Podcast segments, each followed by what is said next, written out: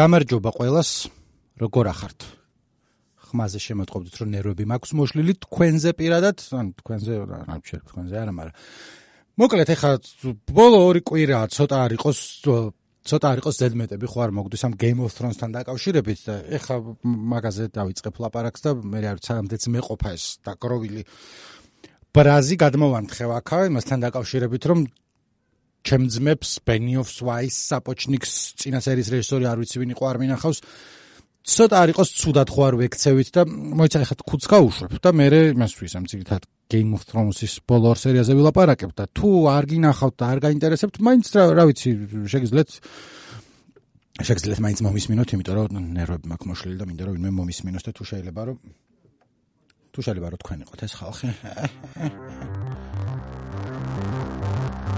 Thank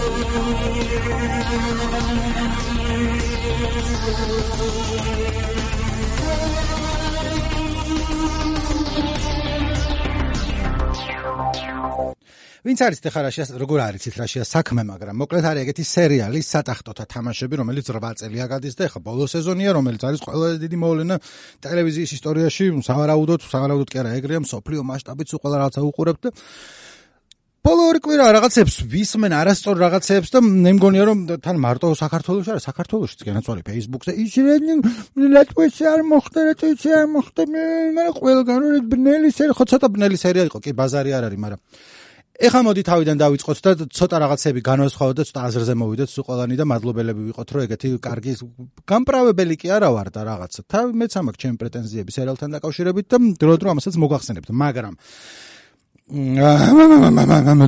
ცოტა ვერ უყრი აზრებს თავს ჩამოწერილი არ მაქვს არაფერი, უბრალოდ არ ვიცი, ალბათ ორი კვირის დაგროვილი ის ამაქვს.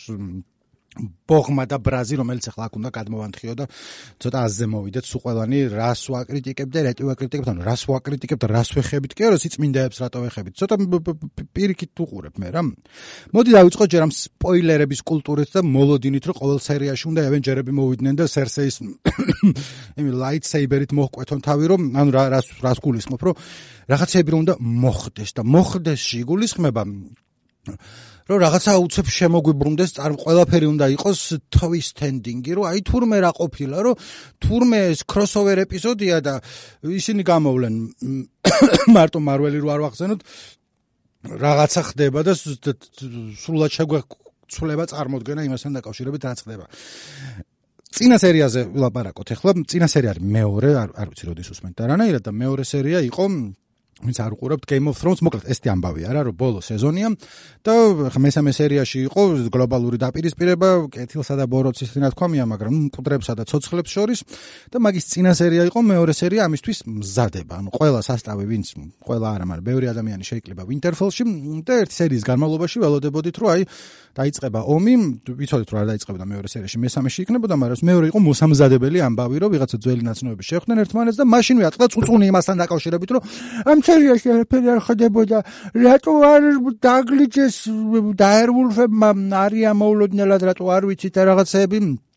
არაფერი არ ხდებოდა. აი სპოილერებზე რატო ამბობდი რომ სპოილერს ვერ იტყვი მაინდა მაინც, იმიტომ რომ კაი ბრიანა აკურთხეს იმათ რაინდათ. ნუ სპოილერია არ არის ამ ჩემ ფეხებს აკურთხეს არ აკურთხეს, მაგრამ ზე ემოციური მომენტი იყო. მთელი მუღამი ამ სერიალის, ხო არის ადამიანების ურთიერთობა რაღაცა და ერთ-ერთი ძალიან ემოციური მომენტი ჩემთვის პირადად იყო, რომ ლეიდი ბრიანა, რომელიც ყველანაირად იმსახურებდა, რომ რაინდი ყოფილიყო, იმიტომ რომ სულით რაინდია და დადის და სულ ყველას იმაშვება.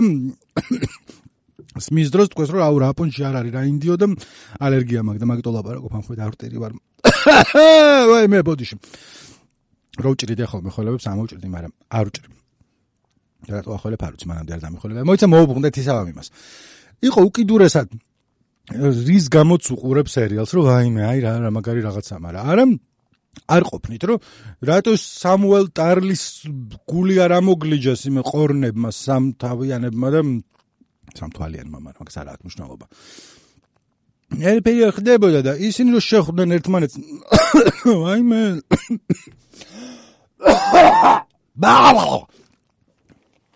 დავტოვებ ამასაც არ ამოჭრი. ძალიან დიდი ბოდიში რომ ხველების სმენა გიჭერთ, იმედი არ გარდავიცვლები ამ პოდკასტის ჩაწერის დროს, არ მინდა რომ ჩემი ბოლო სიტყვები ეს იყოს Game of Thrones-ზე. რენთი როგორც იტყვიან ხოლმე, ანუ არა, გაქირავების პონჩი არა, მეტრო ბოდავს ხოლმე ვიღაცა მაგაზე. მაგრამ მოუბრუნდეთ ახლა ისევ. არია და ჰაუნდი შეხვდნენ ერთმანეთს, ემოციური სცენარი რამე მოხდა? არა, არია და ჰაუნდი შეხვდნენ ერთმანეთს, მაგრამ მთელი მუღამი არის ემოციური რაღაცეები, ჯერ მეორე სერიაზე ვარ, ჯერ კიდევ და თუ ხმალაობა არ არის და ვიღაცას თავი არ მოჰკვეთეს, არა უშავს. იმიტომ რომ ლიანა მორმონტი გამოჩნდა რაღაცა თქვა რა ეს კაცები მე გავალ და ვიბრძოლებ და აუ ლიანა მორმონტი აკეთებული ძა ყველაზე მაგარი პერსონაჟი იყო ჩემი აზრით. და რატო ცემ ხე მესამე სერიაზე გადმოვალ ისევ და თუ რაღაცნაირად ვერ მიხვდით აქამდე რომ სპოილერები იქნება ყველაფრის რაც შეიძლება იყოს, ანუ ამაგას არ უყურებ იქნება სპოილერები ერთი და მეორე რომ თუ Game of Thrones უყურებთ და ჯერ ჩემი პოდკასტი ჩამოწერეთ, როცა ორშაბათს დაიდო სერია და არ უყურეთ და რაღაცა, მაშინ პირველ რიგში დიდი მადლობა. მეორე მხრივ რაღაც ცოტა პრიორიტეტები უნდა გადააფასოთ, იმიტომ რომ ჯერ Game of Thrones და მე ნიკოს პოდკასტი არ მაქვს მე პრეტენზია რომ HBO-ს ვედრებოდე. მოუბრუნდეთ ისე ლიანა მორმონტი რატომ ევასებოდა, იცით რომ რომ თვითონ თავის თავს ხო ბავშვად არ ხედავს, რამდენიც 13-ის არის თუ 14-ის, მაგრამ თვითონ ხედავს როგორც თავისი გვარის უფროს, რომელსაც მეტაურს, რომელსაც გადაწყვეტილებები აქვს მისაღები, პასუხისგებლობა აქვს ასაღები და არ უყურებს, იმე ბავშვი არ ფიქრობს და არც სერიალი არ უყურებს ეგრეთ. როცა ლიანა მორმონტის სპოილერ ალერტ მოკვდა მოკვდა როგორც დიდი, როგორც კაცი თქო კინაღამ თქვი, მაგრამ რაღაცა ეს გამოვიდო და სექსიზმი გამოვიდო და არა, აი მოკვდა როგორც დიდი ადამიანი თავისი ყველაზე პეტერი ციცქნა და გიგანტი ჩათხარა თვალში, მაგრამ ხა ამაზე კი არ დამინახავს გადრაკება რო არ მოგატყუოთ, მაგრამ მაგაზეც არის აბა როგორ როგორ მოხდა ესე, რანაირად ეს პლოტ ჰოული და იცი კიდე plot armors ვინმე ვისაც იტყვის და Facebook-ზე ვისაც დაწეს შეგიძლიათ რომ unfriend-ე გაუკეთოთ, იმიტომ რომ აზრზე არ არის ან არაფრის გასაგები რომ plot armor-ი არსებობს. ვინც არ იცის რა არის plot armor-ი, არის მოკლედ ეგეთი პონტია საიტი არის TV tropes. ტროპები არის რაღაცეები რა ზუსტად დეფინიცია არ ვიცი, მაგრამ თლაც стереოტიპები არა, რაღაცეები რაც მეორდება ხოლმე ლიტერატურაში, კინოში, კომიქსებში სულ და სულ, ანუ მაგალითად ტროპი არის, რომ ნაბოლარა ძმა არის ყველაზე ჭკვიანი და თუ თქვათ ზღაპარს ყვები და უმცროსი იყო ნიკო, რომელიც იყო იცი რომ უმცროსი ძმა რა ტიპია რა, იმის და მიუხედავად რომ შეიძლება პირველად გაეცანი ამ კონკრეტულ პერსონაჟს, ან რაღაცა ბოროტი დედინაცვალი არის ტროპი, ბევრი არის ეგეთი რა. და ვიღაცები ვინც ტივი ტროპზე შედიან, მე რეგონიათ რომ უცებ ლიტერატურის კრიტიკოსები უნდა იყვნენ და ეს ფლოტ ფლოტ არმორი არის ასევე ერთ-ერთი ტროპი, რომლის მიხედვითაც პერსონაჟი რომელიც ეს უნდა მომკვდარიყო, არ კვდება, იმიტომ რომ სიუჟეტი სჭირდება რომ არ მოკვდეს. და მაგის გამო გადარჩა, მაგრამ ხო, ну აი არის ეგეთი პონტი, ტროპი რო არის, არის შო ცუდია ან კარგია ან რაღაცა ისე ხდება ხოლმე და რა მომაწევა ხოლმე და ხმებს გავაკეთებ ხოლმე. ეხა ბოლო სერიას რაც შეეხება. ხო. პრეტენზიები, პრეტენზიები.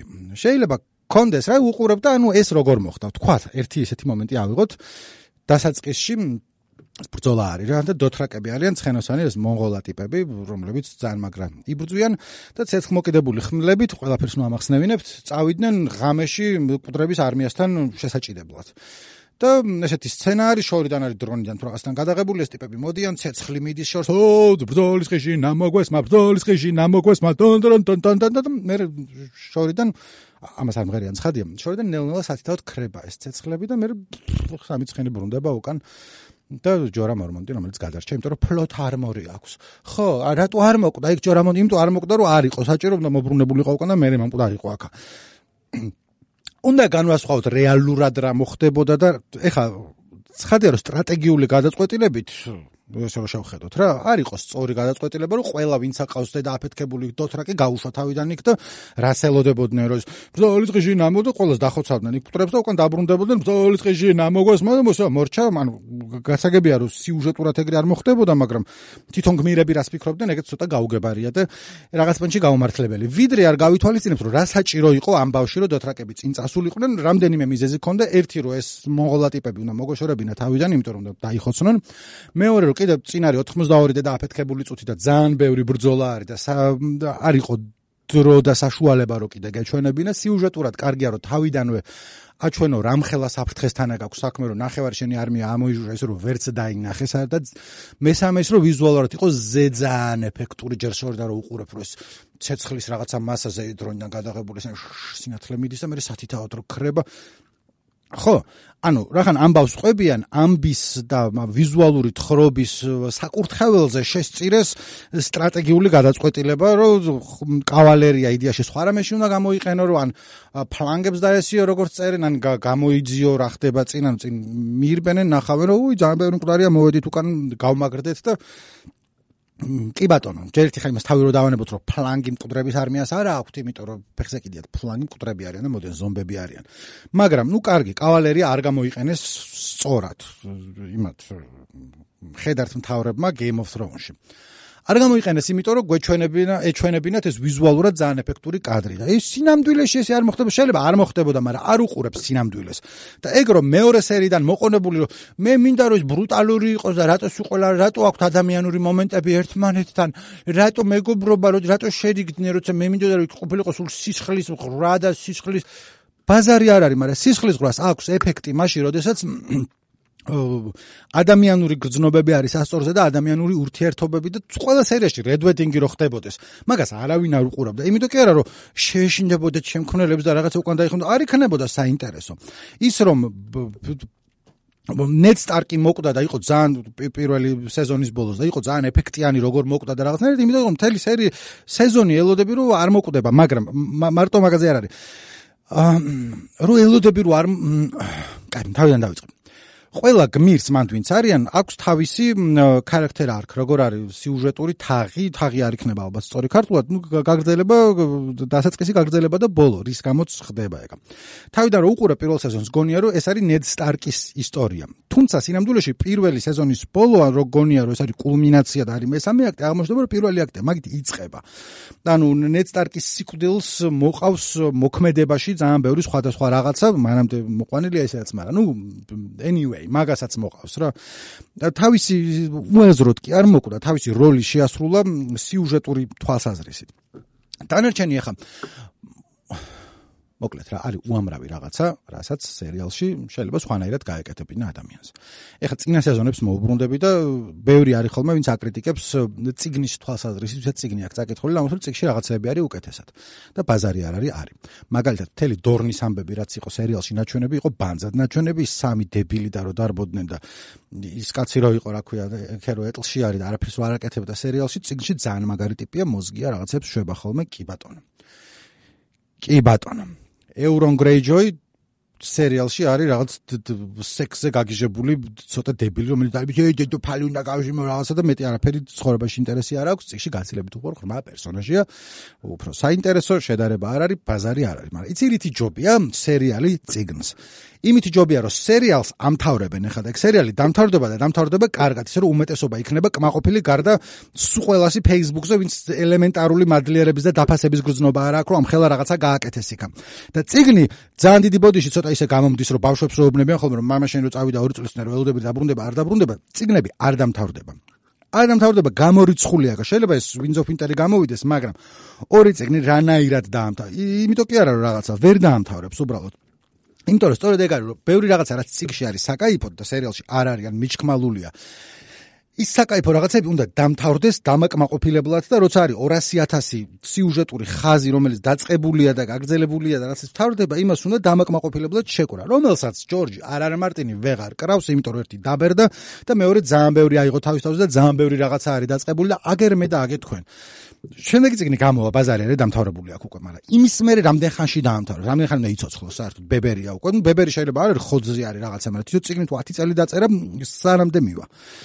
ჰა? ანუ გასაგებია რომ ხანა ხერაშია საქმე რომ ეგრე არ არის დაემთავროს. ლეიდი სტოუნჰარტი არის ეგეთი პერსონაჟი რომელიც ციგში არის და ფილმში არ არის და არც იქნება იმიტომ რომ თავდება უკვე ფილმი და არ გამოჩენილა ცხოვრებაში ესე მოხდებოდა პონდერო ცხოვრებაში შეიძლება ლედი სტოუნჰარტს დაემართოს გაცივდეს და მოკვდეს. იმიტომ რომ შუა საუკუნეებია კი დაფრინავენ დრაკონები და ყველაფერი მაგრამ ჟანგიან ლურსმანზე ხელი რაღაცა გაიჭრა და სუყდებოდნენ ხოლმე ეგრე. დამაკმაყოფილებელი დასრული იქნება. რეალისტური იქნება ბაზარი არ არის. 1000 კაცი ყდებოდა ხოლმე ვარდების ომის დროს ნაპრავანალევა შეიძლება იქ ჩავარდე თხრილში და ფეხი მოიტეხო და მე აღარ იყო. ანუ ვიღაცები არიან ვინც თავიდან რაღაც როლს თამაშობდნენ და მე ამოვარდნენ ესეთი პონტი იყო რომ აიცი რა არის? ხო ამ ომში ვიღებდი მონაწილეობას მაგრამ ეხა აღარ დამიძახეს და რა კიდია რა ადამიანური მომენტია კი ხდება ხოლმე მაგრამ ციკში ასე ვერიზამ, ფილმშიც ვერიზამ. მასალ Lady Stoneheart რომ მოუბრუნდეთ, იმისი სიუჟეტური კარგა უნდა დასრულდეს დამაკმაყოფილებლად და ეგეთი Lady Stoneheart-ი არის ციგნში 100000 მარტო დონში რაც ხდება ისინი მარტო რკინის კუნძულებზე რაც არის აა და ამიტომ რომ რაღაცები არის მიფუჩაჩებული სერიალში. სტორნი და რკინის კუნძულები ვერ არის კარგად გაკეთებული, თუ ყველაფერი ისე რომ გააკეთე როგორც წიგში, რომ ყველას დააკმაყოფილო, ვინც ყველა ჯგუფში თავისი ისინი აქვს. არ არ გამოდის ეგრე რა. მიდიან ამთავრებენ და კარგად რო უყურებ, ჯერ ერთი ხაი ბოლო სერიას რო უყური, ჩისვილელე იყო, ხო? ჩემთვის 8-დან 10 არის ეგ სერია. ბოლო მესამე სერია რა. იმის ცოცხლების დამკვდრების ბრძოლა. 80-ვე წუთი თუ რამდენიც იყო უყურე უდაძაბულეს მანუ მაგის გამო კმაყოფილი ვარ თუმცა რაღაცა ცოტა anticlimactic პონტი იყო რომ კი ბატონო მაგრამ მაგის მიუხედავად სხვა სერიები ხო იყო კარგი ერთი და მეორე მიდის წინ. ეხლა ვესტები რომ აზრი ჩამოვაყალიბო მესმის რომ რენტი არის მაგრამ რაღაც წინადადები უნდა დაიწყეს და დასრულდეს მაგრამ ნუ ვერ ჩერდები იმიტომ რომ მე გამოდის ხოლმე რომ რანაირად მიეპარა არია სტარკი ნაით კინგს რანაირად მიეპარა და მიეპარა. ანუ გაძვრა იქა და მიედა ჯონ სნოუ რო იგრძნო უკნიდან ხო, მაგრამ ნუ ეხა სხვა რაღაც პონტი იყო, არა უშავს მიეპარა. ბეჭდების ბრძანებელი წაგიკითხავთ, ფროდო რანაირად შეძვრა იქ, როდესაც ის უყურებდა საურონის ზევიდან, შეძვრა რა მთელი სამი წიგნია მაგაზე რო იქ მიძვრება და ესო ხერი არია სტარკი მიდიოდა და სუპერ ასასინად ჩამოყალიბდა, რომელიც ყველაფერს აკეთებს ხოლმე ჩუმად დადის მაგვე სერიაში იყო ნაჩვენები, როგორც ჩუმად შეუძლია გადაადგილდეს და ინერე ჩუმად გადაადგილდა რომ ნაით კინგმა ვერ იგზო. არის ყველაზე დამაკმაყოფილებელი პონტი? არ არის ბაზარი არ არის მაგრამ მეორე მხრივ არის რა ნუ გამოვიდა ეგრე მან ფროდომ ჩააგდო ბეჭედი და სულ ყველაფერი მორჩა მაგის მერე. და თუ გონიათ რომ ბაჭდების ბძენებელში როგორც არის რომ ბოლოში ყველა პატიოსნად ერთ გემში ჩამსხდრები მიდიან სიკვდილის ქვეყანაში ახაც ეგრე იქნება არ იქნება. მეორე რომ რატო არ მოკვდა არავინ იმის ბრაიანი რატო ბრაიანი ვის არის სერბრიანი ანუ ლეიდი ბრიანა არ არ არ მომედაოთ ახლა რომ რაღაცებს არასწორად ვიტყვი, იმიტომ რომ ვიტყვი რაღაცებს არასწორად ფეხზე მკიდია. სამუელ ტარლი რატო დარჩა ცოცხალი? დარჩა ცოცხალი. ვიღაცები დარჩებიან ცოცხლები, ვიღაცები მოკვდებიან და ყოველ ჯერზე იმის ლოდინი რომ აბა ეხლა იმისი ჯეიმი ლანისტერის თავი მომართვით ლანგარზე, ჯეიმი ლანისტერმა თავის და უნდა მოკლას იქა და თავისი ის აქვს სიუჟეტური ხაზი და მაგამდე მივა. მაგრამ ის რომ YouTube-ზე ისინი ვნახე ფუ კონსპირაციის თეორიები, როგორც სინამდვილეში ჯეიმი ლანისტერი არის ანზორ ახავი აზორაჰაი არის მოკლედ არ ამახსნევინოთ რა აზორაჰაიზე ლაპარაკი მეზარება მაგრამ არის აღმოჩნდა რომ არის დაახლოებით შეიძლება არც არის არის არა, ქნიშნულობა YouTube-ზე არის ათასობით ვიდეო, სადაც ტიპები წერენ, სინამდვილეში Night King-ი არის Potpie. ან Night King-ის არმიას გენდრი ხელმძღვანელობს ჩუმად თუ რაღაცა და ყოველ ჯერზე თავი და რითის დაიწყეს სპოილერების კულტურა მეთქი რომ ყოველ ჯერზე ელოდები რომ აი თორმე თავდაყირა უნდა დადგეს ყველაფერი და არ არის აუცილებელი ტიპები გიყვებიან ამბავს რომელსაც აქვს დასაწყისი შუა და ბოლო რომელიც დაახლოებით ისე მიდის როგორც ჯორჯ არარმანტინმა ჩაიფიქრა და არ არის აუცილებელი რომ ყველაფერი იყოს პირქუში მოხუშული ერთი და ყოველ ჯერზე გადაგიბრუნდეს რომ აი თორმე სულ სხვა რაღაცა ხდებოდა. ამბავი თავისთავად არ არის ცუდი არ ძუ ეფხის ტყავსანი წაიკითხავ თუ არა. არის ეგეთი ისეთი ციგნი გვაქვს ქართველებს რომელშიც ბოლოში ის არ არის twist ending-ი რომ თურმე ქაჯები კაი ტიპები ყოფილან და ტარიელი და ავთანდილი ერთი და იგივე ადამიანი რომელსაც პიროვნების გაორება აქვს და ფრიდონი საერთოდ მკვდარი იყო თავიდანვე და ის არის აჩრდილი რომელიც არ ხდება ეგ ამარა მაგის გარეშეც კარგი ციგნია ბრძბილად რა ვთქვა ბრჭყალებში კარგი ციგნია იმიტომ რომ ეფხის ტყავსანზე კარგი ციგნია მხოლოდ ირონიულად შეგიძლია თქვა ძალიან კარგი ციგნია რა ვიცი მაგაზე უკეთესი არა გვაქვს დაწერილი. ამბავი არის დასაწყისი აქვს შუა აქვს და ბოლო აქვს და ყვებიან და კარგია რა არა უშავს თუ იქ არ ხდება ის რომ ქაჯები სინამდვილეში არ აღმოჩნდებიან სხვა ვიღაცეები და ბოლოში არ აღმოჩნდება რომ ნესტან დარეჯანი არის თურმე სინამდვილეში ქაჯები საიდუმლო მართველი თუ რა ვიცი. შეიძლება ეგეც ყოფილიყო საკაიფო მაგრამ არ არის ამბავია რა რომელსაც გიყვებიან და ეს ოხერი მოусმინე და უყურე და ისიამოვნე რაც არის. ყოველ ჯერზე შეიძლება ის მეც მაქვს ხოლმე რომ აუ ეს როგორ მოხდა? ჯონ სნოუ რო კიდე ერთხელ გამოეკიდა Night Kings დებილივით მთელი სერია რას აკეთებდა ნუ ეგ არ არის ჭკვიანი კაცია ეხლა დრაკონებს ვერ გავიგე პრეტო დააფრნა ჯონ სნოუს ვასახიერებ რა. ეხლა ჩამოვფრინდი ეხლა არაფერს ასარგებლოს არ ვაკეთებ მაგრამ რაც ეგეთი ტიპია რა ნუ ჯიგარი ადამიანია რომელიც დადის და ცოტა არ იყოს არ არის არც სუპერ მხედართავარი ან რაღაცა მაგრამ შეუძლია ადამიანები თავის გარშემო გააერთიანოს ხო ეგეთ ადამიანურ მომენტებს ცხოვრებაში ხდება ხოლმე ეგრე. რა თქმა უნდა მოკლე ჯონ სნოუ ნაიტინგი არ მოკლა, იმიტომ რომ უსარგებლო ის იყო ამ სერიაში. სხვა დროს არ არის უსარგებლო. ეხა იყო.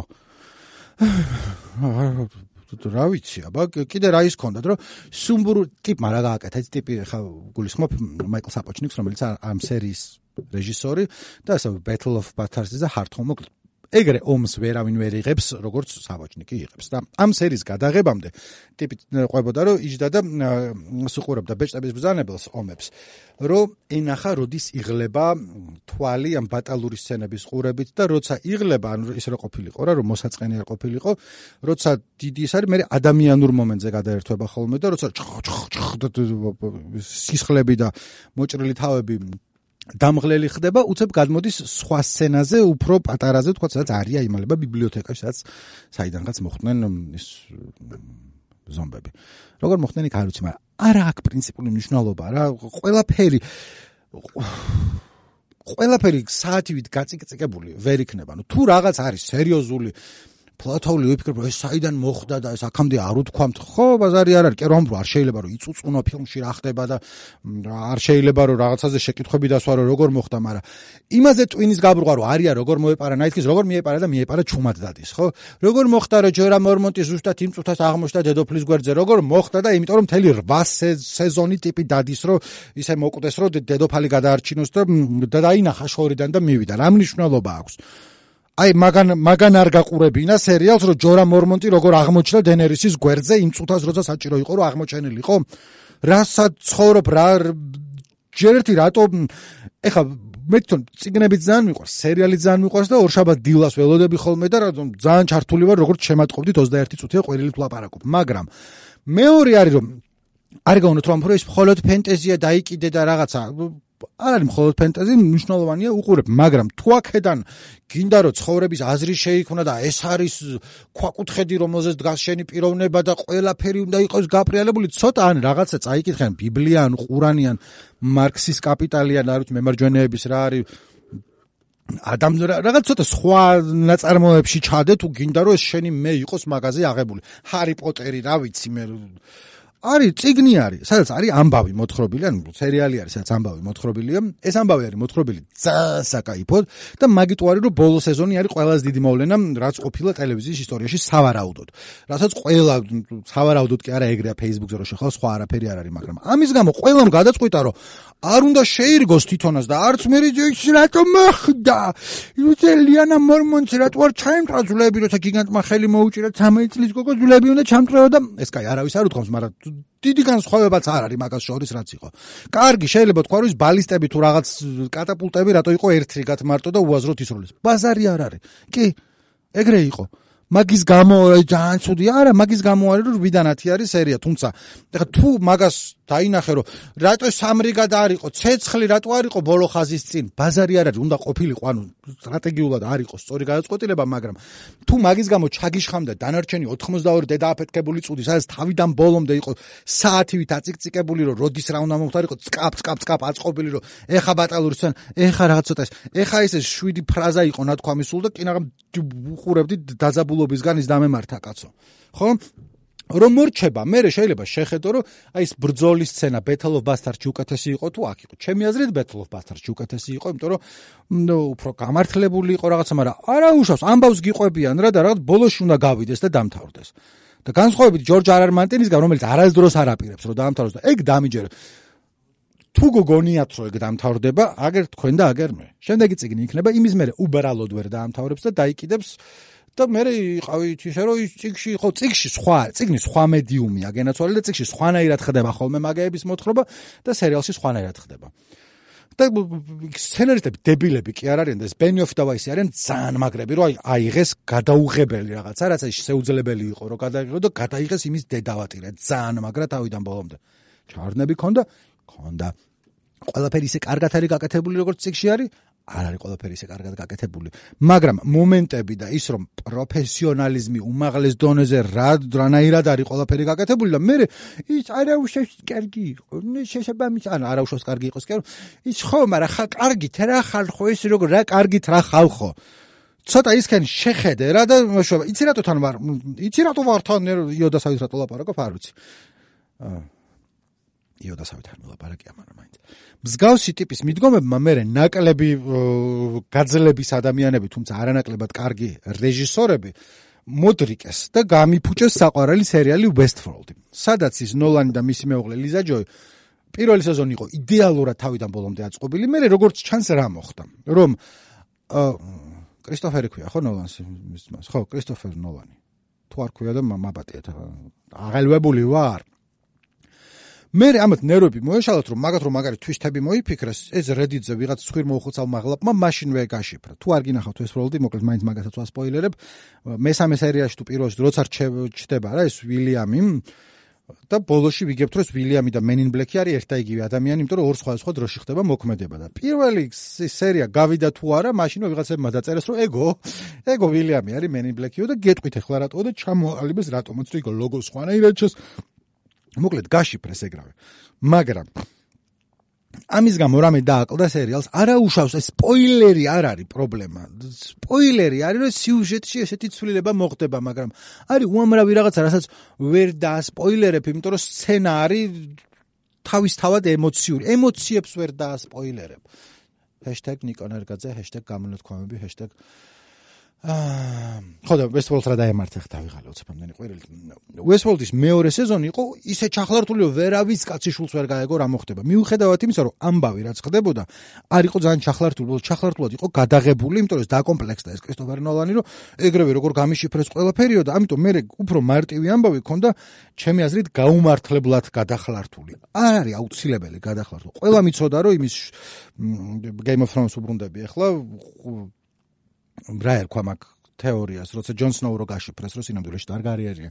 თავიდანვე იყო გაშიფრული, იმიტომ რომ იყო ჩადებული ციხის და ამაში ძალიან ბევრი მინიშნება, რომ ეგრე იქნებოდა.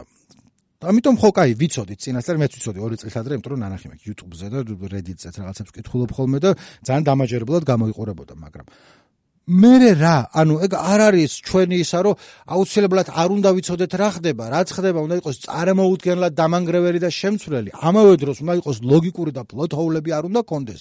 და ამასთან ერთად უნდა ჩემი პირადი რაღაცა ის კონდეს და პლუს კიდე ციგნები თუ მაგ წაკითხული, დედა აფეთქებული ბერიგ დანდარიონის დიდი ბაბუა რო ცისფერ თვალება იყო, ეხლა ამას რატო აქ ხელი მოტეხილი და ო, შო, ეღარ უყურებ ამაში, ჩაიჯვეს და ჩაიფარეს და განა ჩემი დასაცავი ჭირთ რამეს ბატონებს ბენიოვს და ვაის იმიტომ რომ ჩემ გარეშეც ჯიბეში ორ კაპიკში იჩხრიალებენ და გადაიღებენ სერიალს რომელიც ყველა უყურებს დედამიწის ზურგზე და არ ჭირდება ამას მოკლედ გაправება და რაც მაგიტო არ ვაკეთებ რა მაგრამ უბრალოდ დამიგროვდა ეს ოხერი შეიძლება გაუთავებელი წუწუნი, შეიძლება ყველა ვისაც ერთი ისა აქვს ნანახი YouTube-ზე რაღაცა უცებ სტრატეგოსი აღმოჩნდეს და რატო ის არა რატო არ ხდება და დაიკიდე, ის არის სერიალი, ანუ დაიკიდე სერიალი არ არის სწორი პასუხი, მაგრამ ხანდახან არის სწორი პასუხი, იმიტომ რომ არის რა სერიალს უყურებ, არ არის ცხოვრების საზრისი ერთი და მეორე. რეალურად სხვანაირად მოხდებოდა, ხო, რეალურად ვიღაცას გაეჭრებოდა ხელი და მოკვდებოდა. ერთი. მეორე რეალ ფენტაზია ის არის ღმერთები არიან რომლებიც მართლები ან მართლები არიან კი არა. ის სინათლის ღმერთი მართლა არსებობს. რა ცოტა გაუგებარი ღმერთი არა ჭირი უნდა ვერ გაიგებ ან რა ძალები აქვს ან რაღაცა მაგრამ მოდის ეს ოხერი მელისანდრე არ ყვდება, მიუხედავად რომ ბებერია და რაღაცას ხელს დაადებს და ცეცხლი გაჩნდება, ისე რომ ტალყვესი იქ არა აქ და სანთებელა და რაღაცა. ხო ან მართლა არსებობს ის ღმერთი. და მეორე რაღაცნაირი ღმერთები რო ყავთ დედა, მამა, ცხრა შვილი და სატვირთო მანქანა სათითაოდ რომ და სცე პატივი და რომელიც მყდარია ქეროის არ მოკვდება არაზროს და ასე შემდეგ ისინი მარტნამდულად არსებობენ და ყველას აქვს თავისი თურმეს არია თავიდანვე განწირული იყო პირველი სერიიდან რომ მაგას უნდა მოეკლა ნაიტკინგი, იმიტომ რომ სინათლის ღმერთს ეგრე უნდა და სინათლის ღმერთიც ყველაზე მაგარი ღმერთი როგორც ჩანს არ არის თავის ერთ-ერთი არის და ეგ პარალელურად როგორ მოქმედებენ არ ვიცი და ყველა ღმერთი რო არა აქვს მნიშვნელობა არის რა.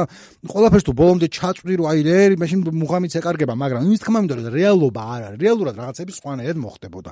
რეალურად ტიპი არასწორ გადაწყვეტილებას მიიღებდა ბრძოლის ველზე, მე შეიძლება და სხვანაირად დასრულებულიყო. მაგრამ ესენი ყველაფერი უნდა აწონ დაწონონ სცენარისტებმა, რაღაცები დატოვონ, რაღაცები გადადონ და რატო არის ბრენი, რატო არაფერს არ აკეთებს? არ ვიცი რატო არაფერს არ აკეთებს.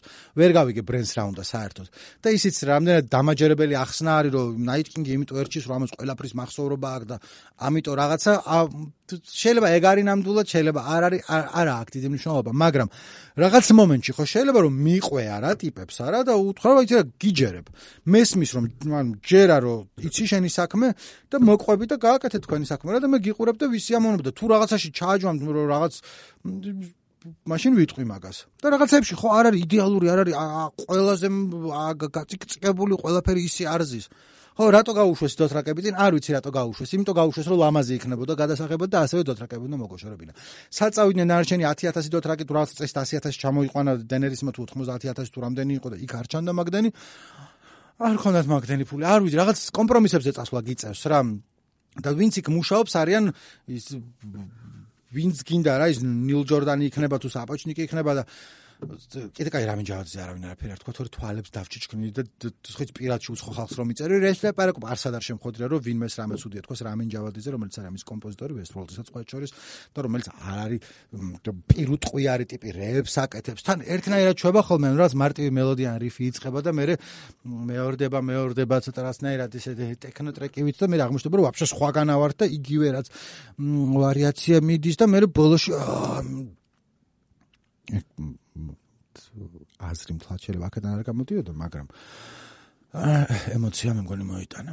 რატო არ გადაჯეგა Night King-მას უყ არ გადაჯეგა რა გინდა ეგ ამბავია რომ დახვდნენ და ბოლო მომენტში აირიდეს თავიდან მკვლების 8 წელი რატო გალოდინეს ამას და ხო 8 წელი რაღაცას რო გალოდინებენ ერთ სერიაში ისე ვერ გადაწყდება რომ სასიამოვნოს მეც ცოტა ის მომენტი მქონდა რომ ეს იყო სულ ვინტერის გამიგ რომ თურმე შეიძლება რომ დავამარცხოთ მაგრამ ჯერ თუ არ ვიცით რომ დავამარცხოთ თუ არა კიდე სამი სერია არის ოხერი მაგრამ მეორეს ერთი სულ რო ეს იყოს ფუ გამიფუშდა და ამაი დედავატირი არ ვიქნები ეგრე რა იმიტომ რომ რანაირად უნდა ეკნათ ხო 8 წელი რაღაცა ხდება და უნდა დამთავრდეს მე რაღაც მომენტში და რანაირად დამთავრდება ისე უმეტეს როცა ტელევიზიის ვიზუალური მედიუმია და იქ ვიღაცების პერსონაჟების აზრებს ვერ გადმოცემ და დაკვირვებას და ის ციღრმეებში ვერ წახვალ, იმიტომ რომ ისედაც თავისი წესები აქვს ამ ყველაფერს.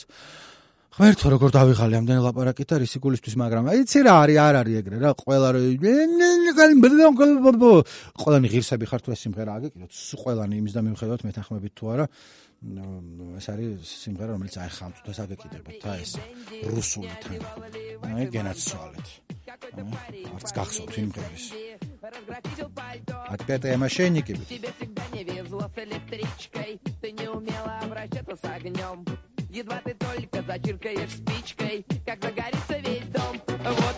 Девушки бывают разные, черные, белые, красные, но всем одинаково хочется. Гирса биха. Ладно.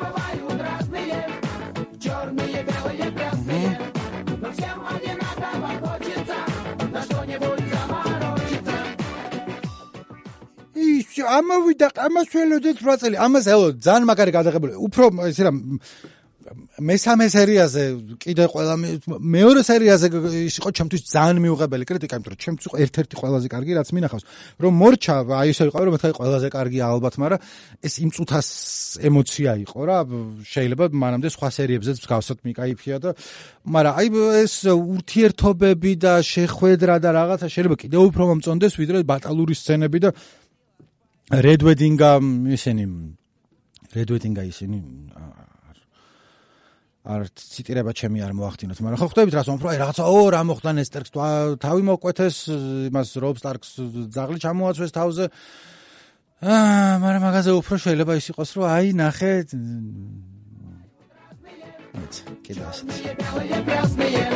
но всем одинаково хочется на что-нибудь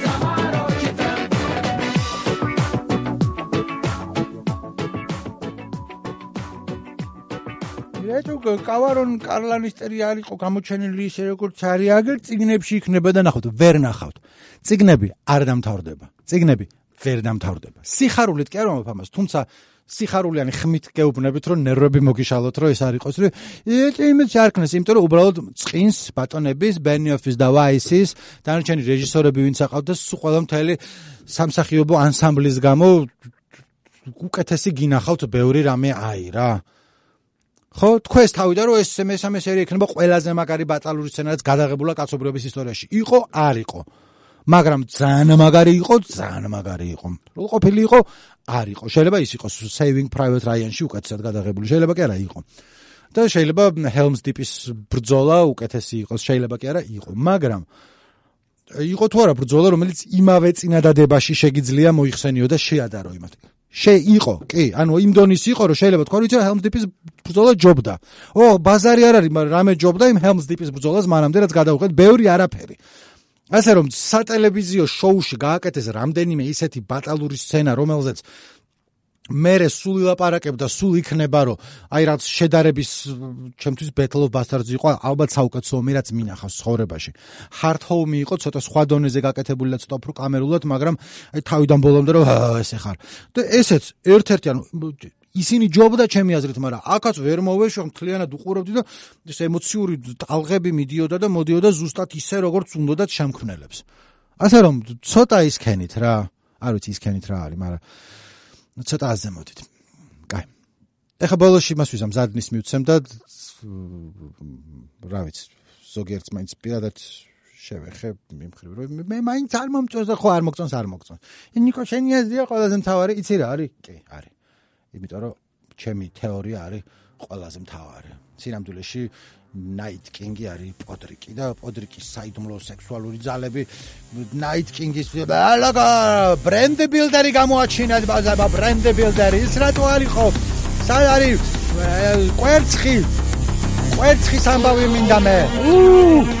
სად არიან სულ ეს იყო სულ ეს იყო დამთავრდა დამთარა დამთარა დამთავრდა. რატო დამთავრდა დამთარა რატო დამთავრდა? ეს მოვლენელად დამთარა დამთარა Ah!